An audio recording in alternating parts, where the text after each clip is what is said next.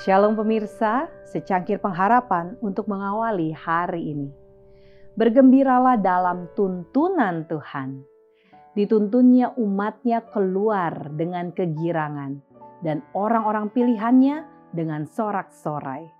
Agar supaya mereka tetap mengikuti ketetapannya dan memegang segala pengajarannya. Haleluya. Mazmur 105 ayat 43 dan 45. Allah melengkapi bangsa Israel dengan setiap fasilitas, memberi mereka setiap kesempatan yang akan menjadikan mereka suatu kehormatan bagi namanya dan berkat bagi bangsa-bangsa di sekeliling. Kalau saja mereka mau berjalan di jalan penurutan. Ia berjanji menjadikan mereka di atas segala bangsa yang telah dijadikannya untuk menjadi terpuji, ternama, dan terhormat. Maka segala bangsa di bumi katanya akan melihat bahwa nama Tuhan telah disebut atasmu dan mereka akan takut kepadamu.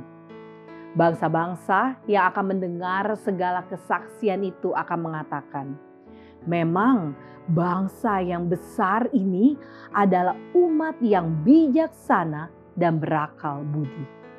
Seri Membina Jilid 3 halaman 35. Kita didesak untuk menyerukan, untuk mengingat hari-hari yang lalu.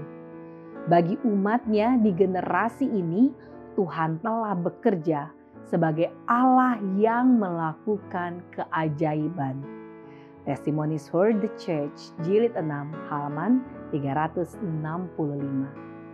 Dia telah melakukan bagi umat pilihannya apa yang seharusnya mengilhami setiap hati dengan ucapan syukur. Dan itu mendukakan dia karena begitu sedikit pujian yang diberikan. Dia ingin memiliki ekspresi yang lebih kuat dari umatnya yang menunjukkan bahwa mereka tahu bahwa mereka memiliki alasan untuk bersuka cita dan bergembira. Testimonies for the Church jilid 6 halaman 364. Demikianlah dengan kita hari ini.